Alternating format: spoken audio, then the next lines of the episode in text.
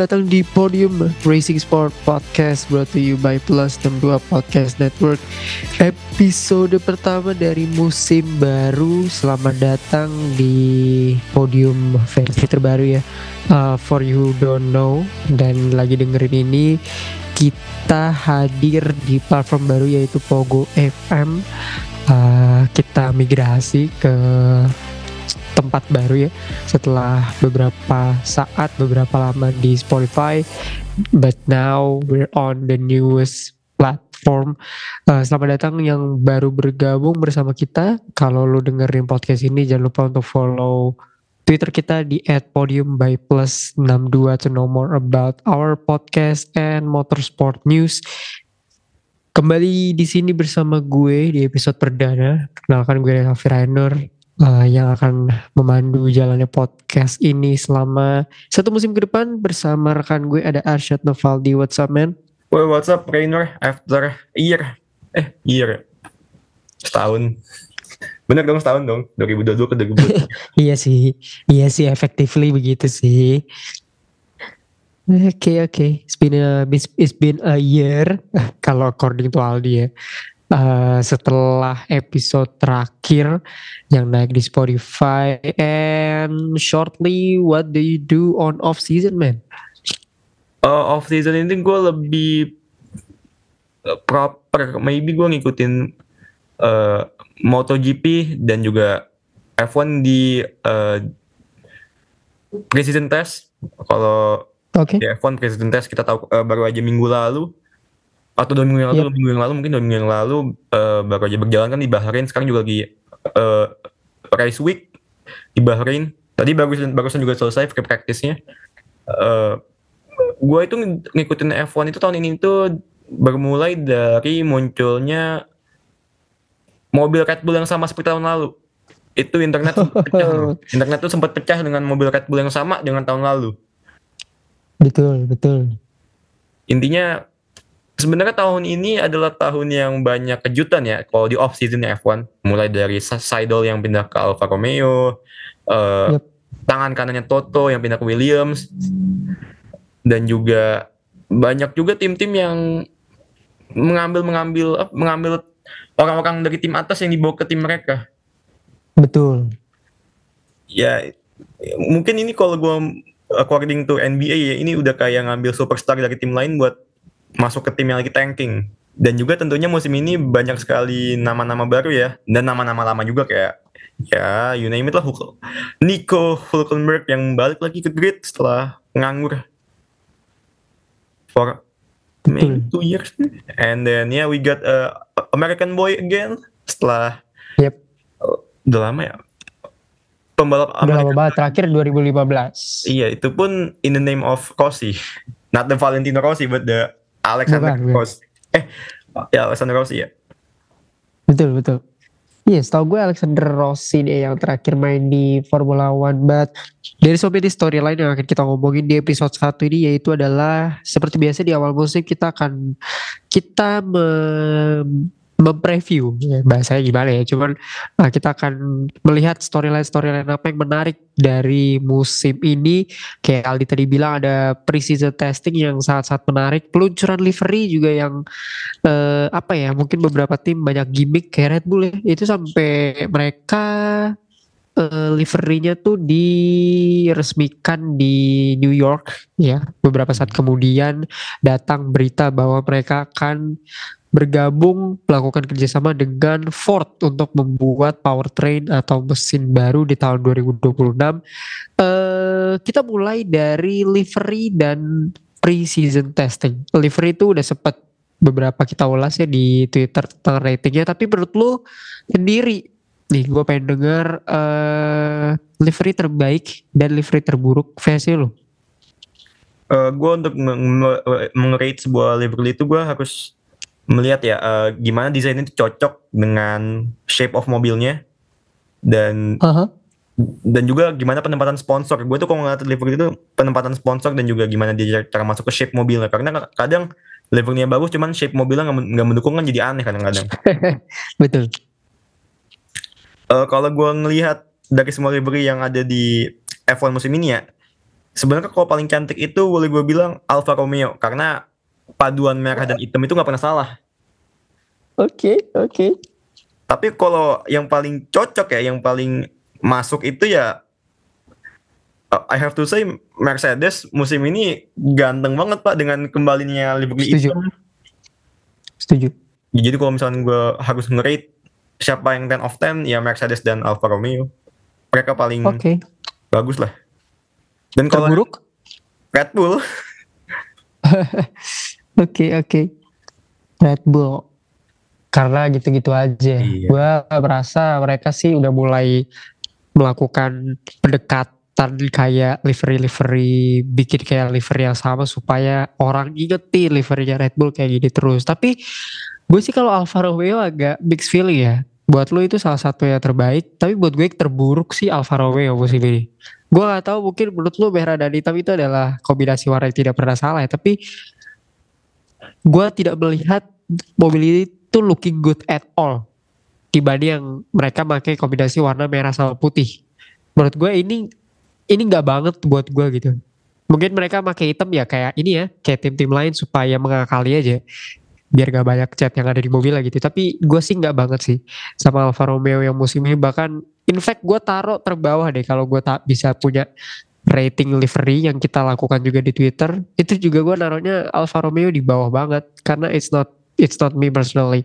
Tapi kalau yang terbaik versi gue sama Mercedes mereka kembali ke hitam itu adalah keputusan bagus ya karena kita tahu kan uh, W sebel W10 sama W11 ya. Uh, Mercedes yang goated banget pakai warna hitam di era pandemi. So I think it's a good decision buat Mercedes balik ke warna hitam. Mercedes uh, itu, by the way Mercedes itu untuk mobil George sama Lewis itu musim ini ada sedikit perbedaan ya. Kalau misalnya Lewis itu dibikin kayak ada aksen-aksen kuningnya, kalau George ada aksen-aksen hijaunya.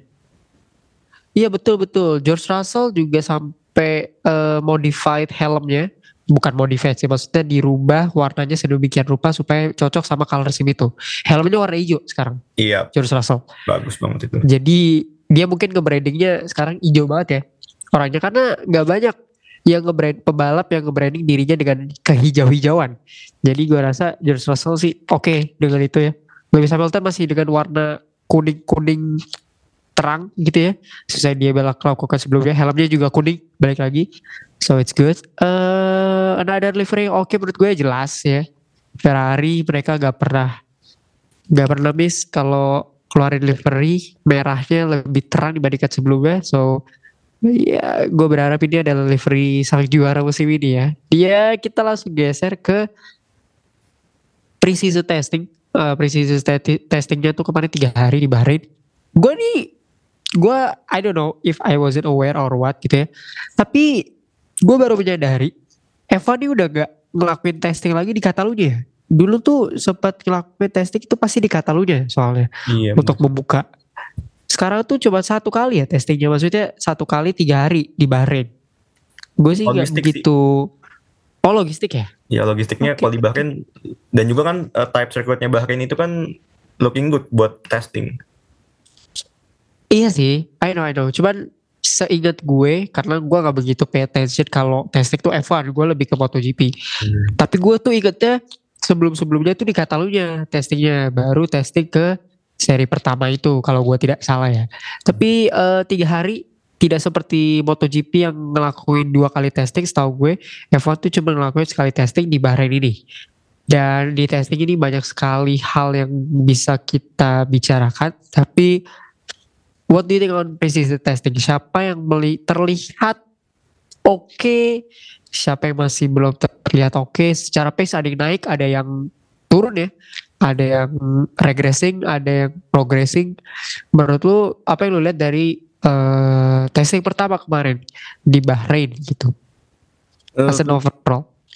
as an overall I have to say kayaknya uh, Red Bull benar-benar apa ya push the limit mereka. Mereka udah tahu apa yang apa yang mereka mau dari mobil mereka. It, even uh, lu tahu kan ada ada chat uh, flow fish flow fish paint itu yang cat hijau-hijau itu yeah. yang kalau kena angin.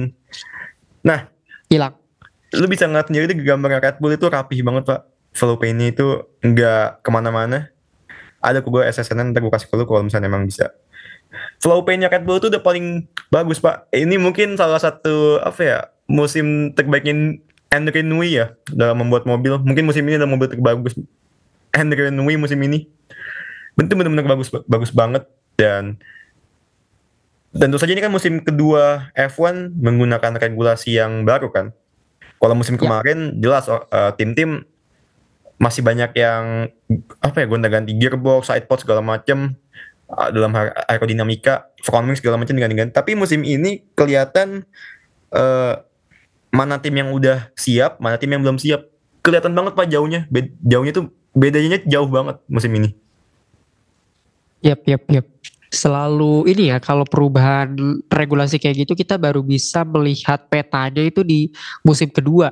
Siapa yang lebih unggul dalam hal resources and development dan siapa yang kurang gitu. Berarti Red Bull ini oke okay juga ya maksudnya mereka kan kemarin udah ya practically mendominasi lah dengan Verstappen menang 15 kali jadi gak dihitung sama sprint race ya.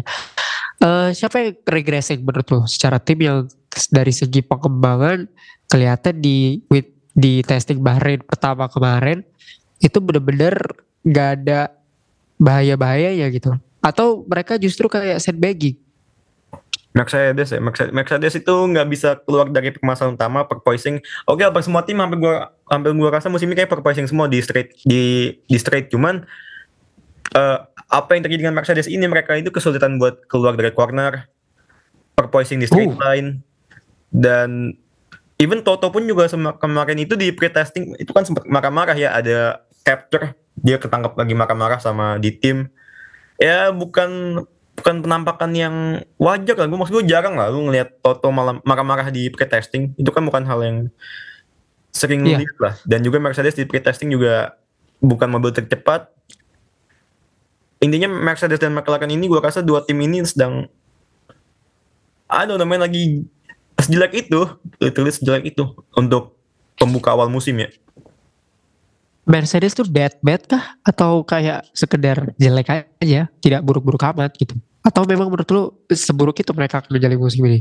Uh, Mercedes itu kan emang uh, dua musim terakhir ini kan emang uh, selalu kayak gitu ya. Awal musim uh, jelek ntar menuju pertengahan akhir musim baru kelihatan uh, apa ganasnya. Cuman kan musim lalu kan juga udah kelihatan. Lu kalau gitu lagi ya gap lu sama Red Bull dan Ferrari makin jauh makin dan tambahkan musim ini ada penampakan baru juga dari Aston Martin yang tiba-tiba yes. bisa muncul ke atas. So ya kalau Mercedes tetap sama seperti tahun lalu ya menunggu mungkin 5, 6, 7, 8 balapan ya lu gak bakal bisa fight lah sama yang di atas tuh sama Red Bull Ferrari yang udah lebih siap menghadapi musim ini. Yap, yap maksud gue dari 23 balapan lu harus memaksimalkan each of every race kan. Iya. Kalau lu baru turn up di pertengahan kedua musim itu juga jadi costly untuk mereka gitu.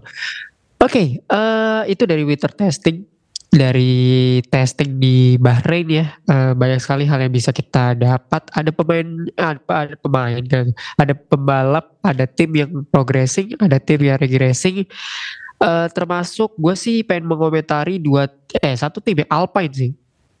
Alpine tuh menurut gue juga nggak begitu progressing mereka kehilangan beberapa detik dari testing Bahrain di musim ini sama testing Bahrain di musim lalu gitu so I don't think mereka belum menemukan tasnya banget tapi McLaren kayaknya Oscar Piastri dan Lando Norris butuh kesabaran ya untuk menjalani musim ini karena uh, Lando tuh kemarin sempat tonjok dinding pit di McLaren.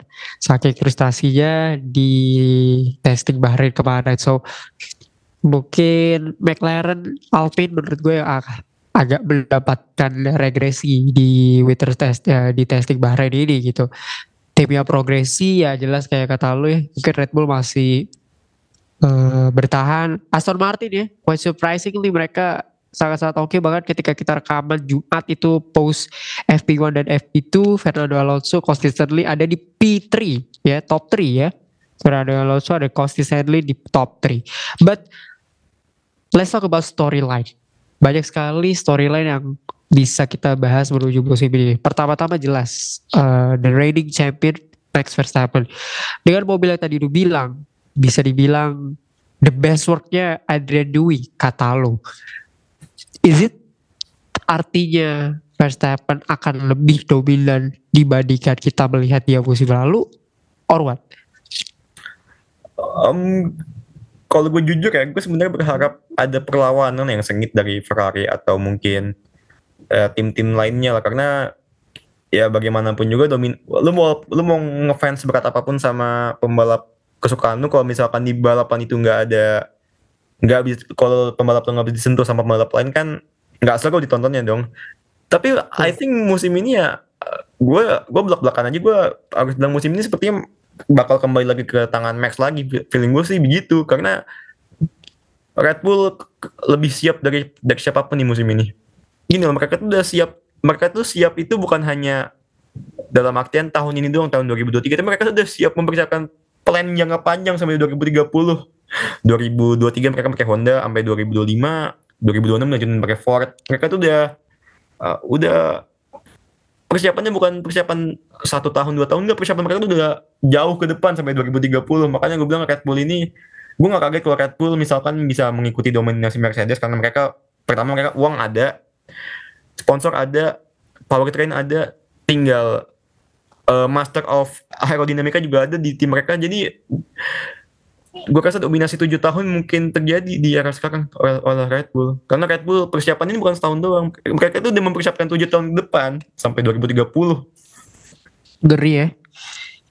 Bahaya banget loh. Uh, kita bisa aja melihat uh, upcoming domination dari Red Bull yang sebenarnya udah ngedominasi olahraga ini di awal 2010-an. Tapi dengan Aldi yang ngomong tadi mereka punya future plan, that's gonna be dangerous sih.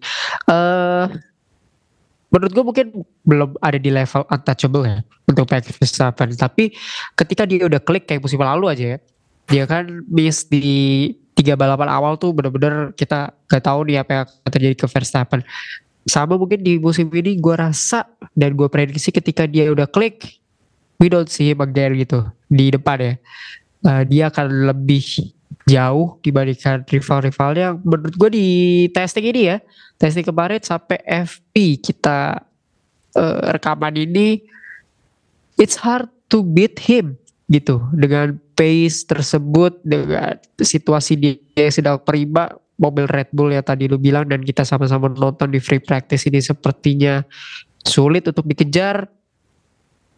I gotta agree with you that this might be another first Verstappen year sih. Uh, 2021, 2023 better be a hat trick. Mungkin satu-satunya pebalap yang bisa mengalahkan dia ya rekan setimnya sendiri. If if Sergio Perez willing to do it, masalahnya itu gitu.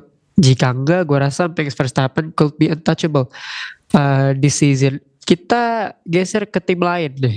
Uh, penantang mereka musim lalu at least sampai 12 seri pertama Ferrari. Uh, looking at the testing tidak begitu spesial. Free practice pace sangat tidak spesial gitu. Carlos Sainz di dua free practice pertama di bawah top 10, uh, Charles Leclerc benar-benar struggling. Di testing juga mereka tidak ada topping uh, the type sheet Uh, what do you see on Ferrari this season? Apakah mereka akan jadi penantang, contenders atau pretenders menurut lo? Uh, perlu diingat ini adalah era barunya Ferrari musim ini dengan tim prinsipal yang baru si Fred sure uh, tentu saja uh, Fred ini orang yang lebih apa ya lebih tegas daripada Binotto pastinya. Karena di Alfa Romeo pun juga he do the same things juga. Dia kan juga sebenarnya di dunia motorsport itu nggak langsung ujung-ujungnya di tim paling atas. Dia itu kan udah ngerasain lah uh, pedihnya dari uh, udah ngerasain lah maksud gue segala pedih-pedihnya Ferrari yang dia udah dia udah ngerasain lah semua jadi gue rasa Fred ini adalah orang yang udah tahu Ferrari luar dalam dan dia ada orang lebih tegas nah tinggal gimana cara dia mengatur Charles dan Saints jangan sampai uh, seperti musim lalu. Musim lalu kan sempat terjadi battle-battle yang nggak penting, yang ujung-ujungnya malah merugikan Ferrari itu sendiri. Dan gue harap di eranya di era baru Ferrari ini uh, bisa sedikit mengikuti lah zaman zamannya Ron Dennis McLaren Pembalap itu di benar-benar di full control sama dia. walaupun gue rasa agak sulit ya di era sekarang di era sosial media pak lu ngomong kasar betul, betul. gampang-gampang dibully cuman kan I think Fred lah orang yang apa ya I think dia mirip-mirip sama Dennis lah dia juga orang yang tegas orang yang ya yang yang yang nggak melempem lah kayak Binotto. Dan juga Ferrari juga banyak Ferrari musim ini banyak merombak uh, strategis mereka ya. Ganti orang-orang baru dibawa ke sana semua. Banyak sekali strategisnya. Betul, Carlos betul. kalau nggak salah ada berapa diganti sama yang baru. Jadi ya tinggal mungkin gimana caranya Ferrari stabil lagi. Stabil dalam artian nggak stabil balapan 1 sampai balapan 10 tapi sampai balapan ke 23 nanti stabilnya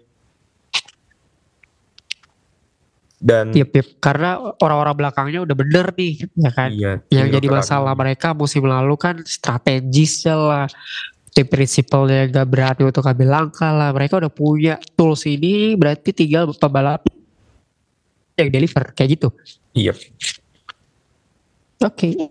oke okay. Ya kita lihat ya untuk Charles dan Carlos ya double C ini bisa deliver dengan mobilnya karena kalau ngomongin performance mobilnya sih kalau gue ditanya yakin atau tidak sih I'm not pretty sure dibandingkan musim lalu ya. Walaupun mereka masih adalah seorang contenders, sebuah tim contenders tapi I don't think they will surpass what they did last season gitu dengan kecepatan mereka dan segala macam. Walaupun ada klaim kalau mobil Ferrari jauh lebih cepat dibandingkan musim lalu ya. Tapi if you cannot beat Red Bull at least nyamain pace mereka di setiap race, gue cukup ragu gitu karena Bahrain musim lalu jadi balapan paling balapan terbaiknya Ferrari lah kalau gue bisa bilang. Uh, balapan terbaiknya Ferrari musim lalu adalah balapan di sini, balapan pertamanya mereka, securing one two. Jadi uh, would that even possible to do it again? They probably would tapi dengan uh, skena Formula One di musim ini sih gua highly doubt it sih. Kalau Ferrari bakal contending untuk uh, juara seri at least di seri pertama ini. Uh, another contenders si Aston Martin ini kalau kita boleh bilang adalah the biggest surprise this early season.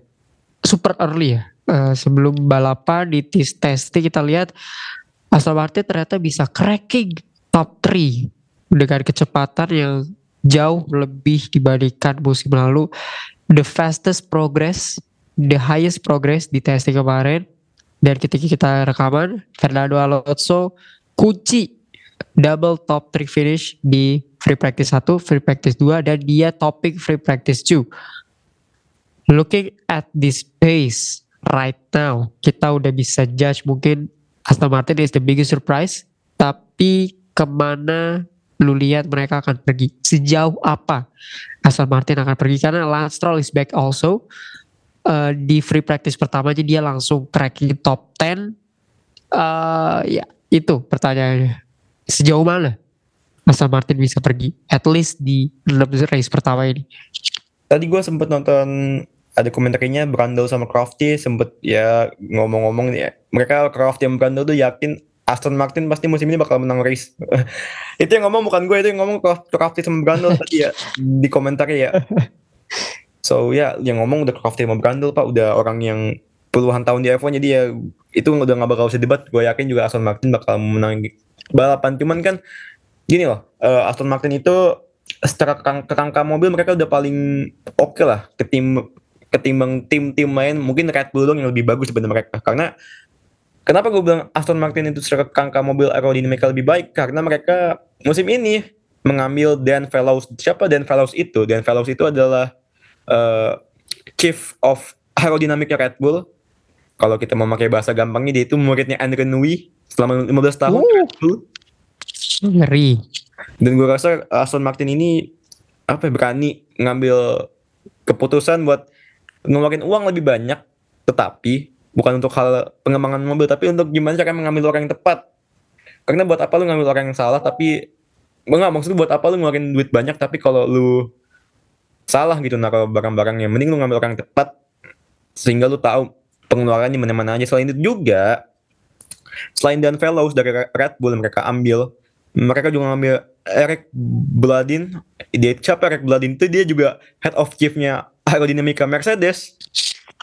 Uh, dari dua tim ter teratas ya. Iya, jadi diambil, dibajak. Ben Fellows sama Eric Bladin ini berdua ini sekarang di Aston Martin sebagai Deputy Technical Director. Sehingga I think uh, Aston Martin having a great future kan. Mereka udah dapat dua orang terhebat dari dua tim terhebat.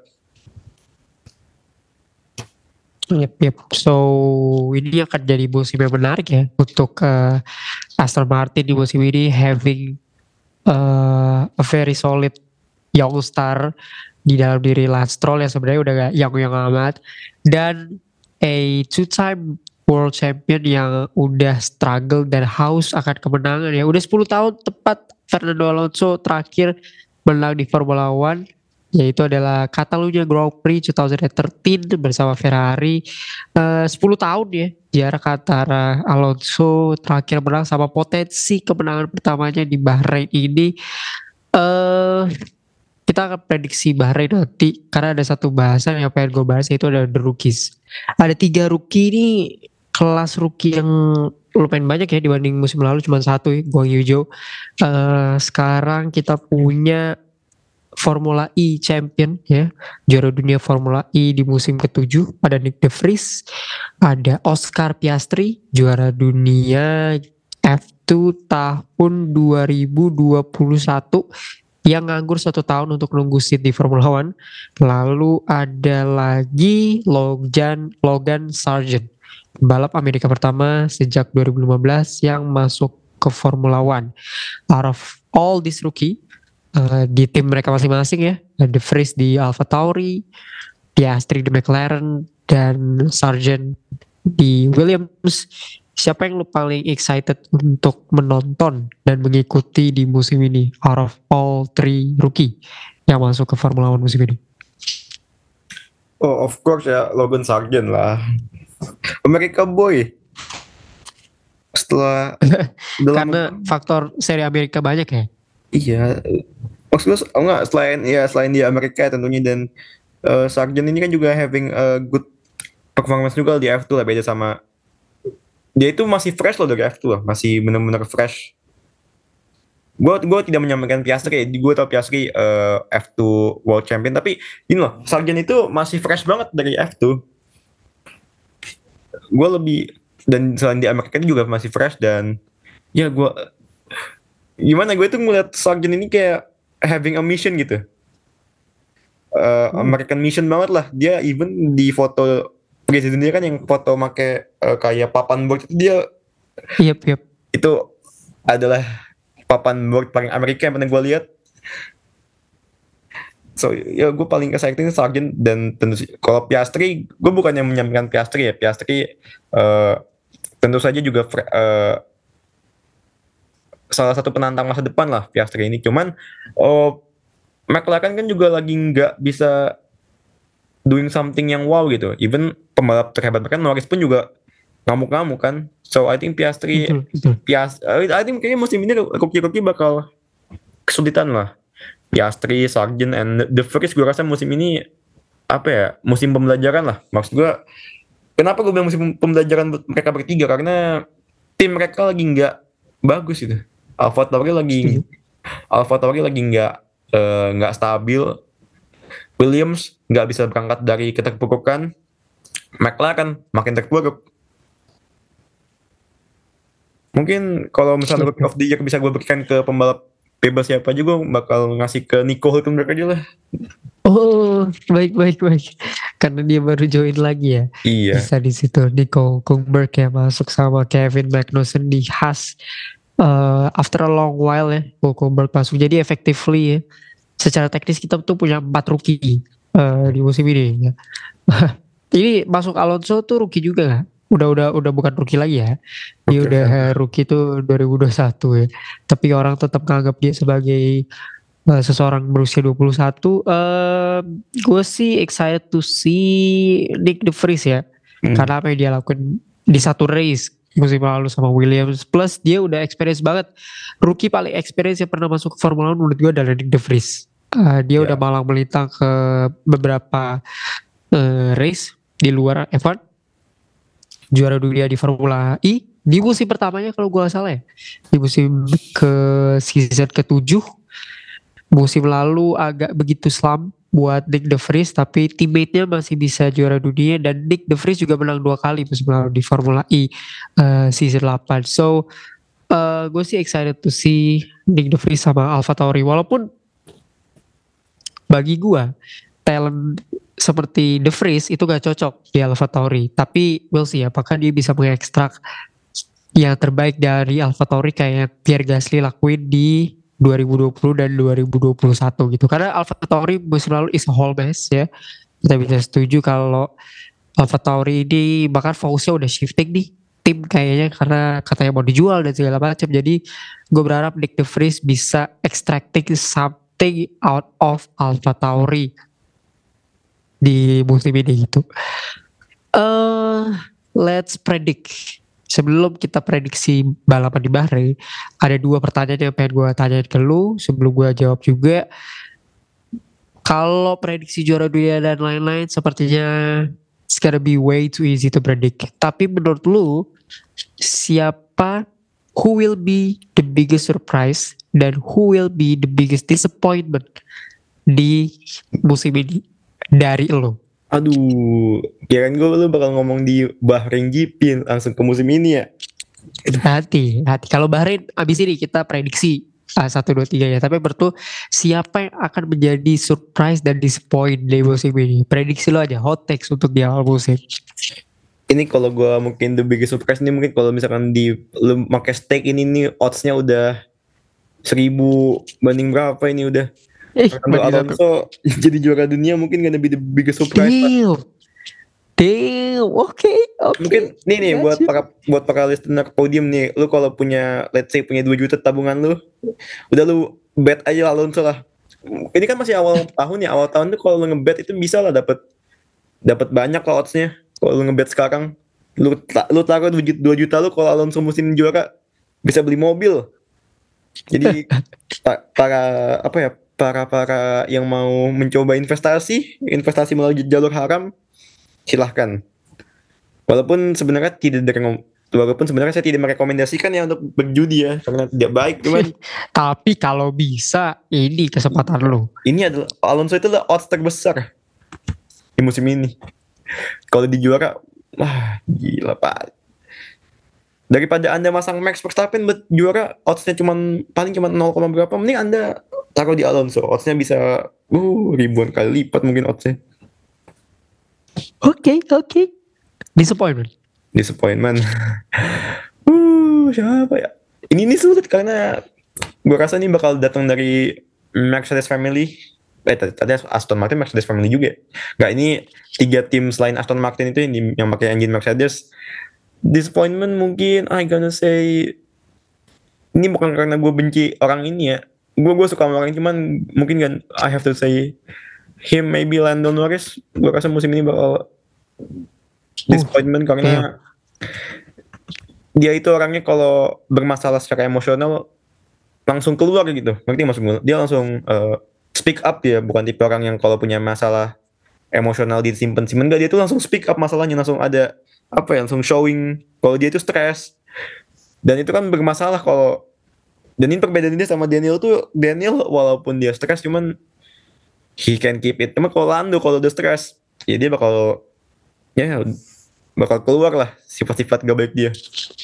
Benar benar benar. Nunjukin banget ya orangnya secara emosi dan segala macam gitu. Secara facial. Lando Norris tuh kalau bete kelihatan bete coy. Jadi uh, emang dia harus menjaga hal ini gitu kayak yang di Rusia kemarin ya yang dia melintir itu masih teringat sekali sama kita tahun 2021 uh, eh, Lando Norris tuh udah bete bete parah lah pokoknya kalau bisa dibilang gitu. So ya yeah, gotta gotta gotta agree with that. Uh, bagi gue sih kalau gue super set disappointmentnya datang dari tim yang sama kayak Aldi bilang tapi rekan setimnya masing-masing. Menurut gue I cannot believe gue akan ngomong kayak ini tapi surprise terbesar di musim ini akan jatuh kepada Lance Stroll man Lance Stroll man everyone talks about Fernando Alonso gue yakin banget gue ada feeling surprise terbesar adalah Lance Stroll gue gak bilang dia akan going gue gak Hail Mary ngomong kayak Aldi tadi bakal juara dunia enggak cuman we gotta see the best of Lance Stroll this season Terus? Tapi, enggak, kenapa gue nggak naruh Lance tadi ya? Kenapa? Enggak, tadi gue gua ngejelasin kenapa gue nggak naruh Lance tadi di list gue yang surprising karena Lance tuh ada cedera apa? Dia, dia itu cedera tangan kiri dia. I think cedera I know, I know. Itu bakal bermasalah banget sih karena tadi di free practice dia sampai nggak bisa keluar dari mobil sendiri sampai harus dibantuin sama ya semoga cepat sembuh ya semoga cepat sembuh. Iya iya.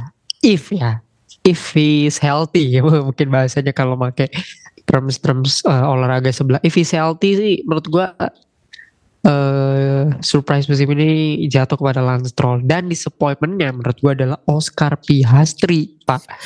Uh, gue rasa juga banyak ya beberapa pihak yang berharap downfallnya Piastri apalagi dengan saganya di musim lalu. Cuman dengan Mercedes eh sorry dengan McLaren yang kayak gini dia ada potensi untuk zero point musim ini. Ending up the season. Ya atau cuma dapat poin dua kali lah menurut gue. So I guess the the biggest disappointment will be Oscar Piastri sih. Uh, this season. Atau Yuki Tsunoda sih. Keluar hmm. dari kursinya. So ya itu akan ada perubahan di pertengahan musim. Kalau kita lihat test drivernya di each team juga gak main-main man Mercedes has Max Schumacher Red Bull punya Daniel Ricciardo Aston Martin punya Felipe Drugovic. Ferrari tuh kalau gue gak salah siapa ya? Uh, test driver masih ada Gio masih ada Gio. Masih ada Gio kan? Iya. So test dra test drivernya uh, pebalap ketiga, pebalap reserve dari setiap tim juga sangat-sangat solid menurut gue. Jadi emang kayak kata lu tadi di awal ya, Eva tuh adalah bapak yang kejam. Bukan berarti ya, bukan tidak mungkin kita ngeliat Daniel Ricciardo stepping up lebih cepat dibandingkan dia seharusnya gitu. Jadi uh, it's gonna be amazing apa yang akan kita lihat buat lo yang dengerin podium di Pogo lu bisa komen siapa kejutan terbesar yang akan terjadi musim ini dan disappointment terbesar yang kita akan upload juga di Twitter kita. Finally, kita kembali dengan prediksi Race Week Bahrain. Episode ini mudah-mudahan akan naik setelah sebelum uh, kualifikasi Bahrain. Tapi who you got in one, two, three seri pertama F1 Bahrain? One, two, three. Uh, wait, kita itu selama bikin prediksi itu, seinget gue yang bener itu apa ya pokoknya kita tuh paling parah tuh ngejinx di MotoGP Indonesia deh. Itu tuh paling parah jinxnya. Iya itu parah. Jinx jinx MotoGP Mandalika tuh parah banget. Iya. Itu jinx paling parah. Parah banget itu ya. Oke okay, Bahrain gue dari nomor tiga. Mungkin I have to say mungkin balapan pertama bukanlah balapan yang terbaik buat uh, rookie ini. I think Fernando Alonso sih nomor tiga Oke, okay, oke, okay. aman ya. Iya, okay. karena ya enggak uh, musim lalu pun juga khas sama, khas kan juga khas juga start uh, top 5 terus mereka finish P5 kan. Jadi yep. gue nggak gue nggak mau terlalu ekspektasi besar ya karena bagaimanapun juga ketika tim lu lagi mau menuju ke apa ya menuju top tim lah menuju top tier pasti ada aja yang entah namanya uh, uh, personil nggak siap strategi yang salah mungkin atau whatever lah itu pasti ada. Dan mungkin wantunya eh, gue main aman lagi aja Max sama Charles. Udah paling aman deh. Max Charles Fernando okay. Alonso. Itu tiga. Oke okay, oke. Okay. cool cool. Uh. Max Charles Fernando ya. Satu dua tiga. Eh Gue, this is tough. Coba gue lihat sedikit pace di free practice 2. Ada beberapa kejutan ya yang sebenarnya kita bisa Has. dapetin. Has tuh kejutan. Uh, Has ya. Has tuh menurut gue juga uh, silently ya, silently. Silently tuh oke okay juga. Nico Hulkenberg posisi 5 coy di free practice 2. Eh by the way Has Despite, itu tim yang sangat spesial. Mereka itu musim ini dapat tambahan uh, budget cap 250 ribu dolar akibat motong itu pit wall. Iya, itu genius sih. Itu salah satu uh, langkah jenius yang bisa dilakukan sama tim ya. Karena pitwall tuh lebar kan ya. Biasanya dipakai sama tim-tim itu bisa buat sekitar enam orang, tapi Hasto ngekat jadi muat buat tiga orang ya. Orang-orang terpilih aja gitu. Ih, jenius sih menurut gue apa yang bisa mereka lakukan ya. Mengakali sebuah peraturan. Uh, tapi gue nomor tiga I'm gonna go with Nico Hulkenberg. Waduh. Gak tau gue soto aja sih. Nomor dua I'm gonna go with uh, Max Verstappen. Sih nomor dua. Uh, jelas lah pembalap yang gue paling tidak sukai dalam sejarah Formula One Fernando Alonso akan keluar sebagai juara satu. Uh, don't get me wrong, ya jelas gue mengikuti, uh, gue akan berada di Aston Martin hype train ya, karena tadi gue bilang gue tidak suka sama Alonso jadi kalau dia menang pun akan menambah debat-debat yang tidak perlu. So gue Hulkenberg, Verstappen dan Alonso. Kalau gue bilang Hulkenberg tuh karena ikut ini berarti dia akan menjadi podium pertamanya dia dalam karir Formula One. Jadi gue radikal aja sih. Hmm. karena Ro uh, Nico Hulkenberg posisi tiga duanya Verstappen satunya Alonso. Itu. Gue nggak tahu kenapa gue malah mencium ada aroma-aroma flop dari Haas ya. Karena mereka itu tim yang paling ber, mereka pitbull cuma tiga orang yang biasa cuma biasa ada enam ada strategis juga sana kan cuma tiga orang. Gue nggak tahu apakah itu akan works tapi ya we'll see lah. Oke okay, oke. okay ya gue biar kelihatan edge aja sih naruh dua pembalap veteran di podium yang usianya udah nggak muda lagi ya. Alonso tuh 41 Hulkenberg tuh udah 35 kalau gue salah sekitar segitu ya. Tapi oke okay, itu mungkin dari episode pertama ya. Enjoy Formula One sudah kembali lagi teman-teman. Buat lo yang pengen nonton Formula One tapi bingung nontonnya di mana Aldi kita harus nonton F1 di mana? Of course di Bein Sports ya. Bein Sports itu uh, apps yang lengkap banget. Eh, Bein Sport itu kalau pakai HP pun juga bisa disetting kayak TV jadi lu nggak usah ganti lu kalau mau ganti channel kan biasanya harus misalnya lagi full screen nih lu mau ganti channel biasanya harus keluar dulu dari full screen harus ke homepage lagi gonta ganti. Sekarang nggak lu semenjak pakai Bein lu nggak usah gonta ganti harus kembali ke homepage nggak. Lu bisa dari screennya bisa langsung lu pencet menu langsung keluar lu ganti channel bisa. And many things di Bain dan Bain juga nggak cuma nyarin uh, F1 ya Ben juga banyak banget nyakin bola dan sejauh ini Ben udah cocok banget udah siap banget lah jadi uh, broadcaster F1 di Asia, uh, terutama di Indonesia tentunya. Dibandingkan uh, brand sebelah yang tahun lalu banyak sekali kena komentar pedas, I think Bain musim ini lebih lebih proper lah, lebih siap untuk menghadapi keinginan fans F1 yang tentunya ingin mendapatkan sesuatu itu yang apa ya, yang lebih cepat itu, lebih real, lebih cepat. Oke, okay, Bean Sport Connect. Silakan di-download dan langganan ya. Per bulannya 50.000 kalau beli 3 bulan 120.000 lebih hemat 30.000 Uh, anyway, itu aja episode pertama dari gue, Raffi Reno dan Arsyad Tovaldi. Jangan lupa untuk follow kita di Twitter at podium by plus 62 to know more about our podcast. Dan kita akan update-update lagi banyak di situ. Terima kasih udah dengerin. Follow kita juga di Pogo FM. And see you guys di episode kedua setelah Grand Prix Bahrain kita akan review balapan pertama semoga tidak mengecewakan dan Fernando Alonso mendapat kemenangan pertamanya sejak 2013. See you guys the next episode. Cheers. Cheers.